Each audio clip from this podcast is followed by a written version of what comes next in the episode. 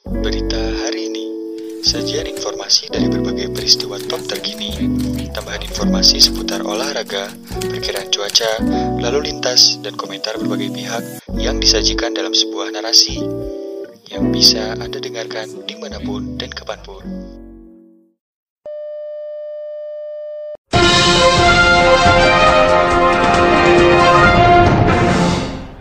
Pemirsa berita hari ini datang dari dunia nasional. Kongres XXX1 Himpunan Mahasiswa Islam atau HMI di Gedung Islamic Center Surabaya diwarnai kericuhan pada Selasa 24 Maret malam. Kursi-kursi dilemparkan, pintu kaca dipecahkan. Berdasarkan catatan cnnindonesia.com, kericuhan semalam bukanlah yang pertama kali terjadi dalam arena kongres ini. Kekisruhan lain juga sempat terjadi beberapa hari sepanjang kongres berlangsung, baik di dalam maupun di luar gedung. Kongres XXX1 HMI di Surabaya sendiri di digelar sejak 17 Maret 2021. Dibuka oleh Gubernur Jawa Timur Khofifah Indar Prawansa di Gedung Negara Grahardi Surabaya dan Presiden Joko Widodo yang hadir secara virtual dari Istana Negara. Pejabat Ketua Umum Pengurus Besar Himpunan Mahasiswa Islam atau PBHMI Arya Karisma Hardi mengatakan gelaran Kongres XXX1 HMI di Surabaya adalah pertaruhan reputasi politik Gubernur Jawa Timur Khofifah Indra Parawansa. Sebab kongres yang mendatangkan 500 lebih delegasi dari cabang HMI se-Indonesia ini digelar Jatim di tengah situasi pandemi COVID-19.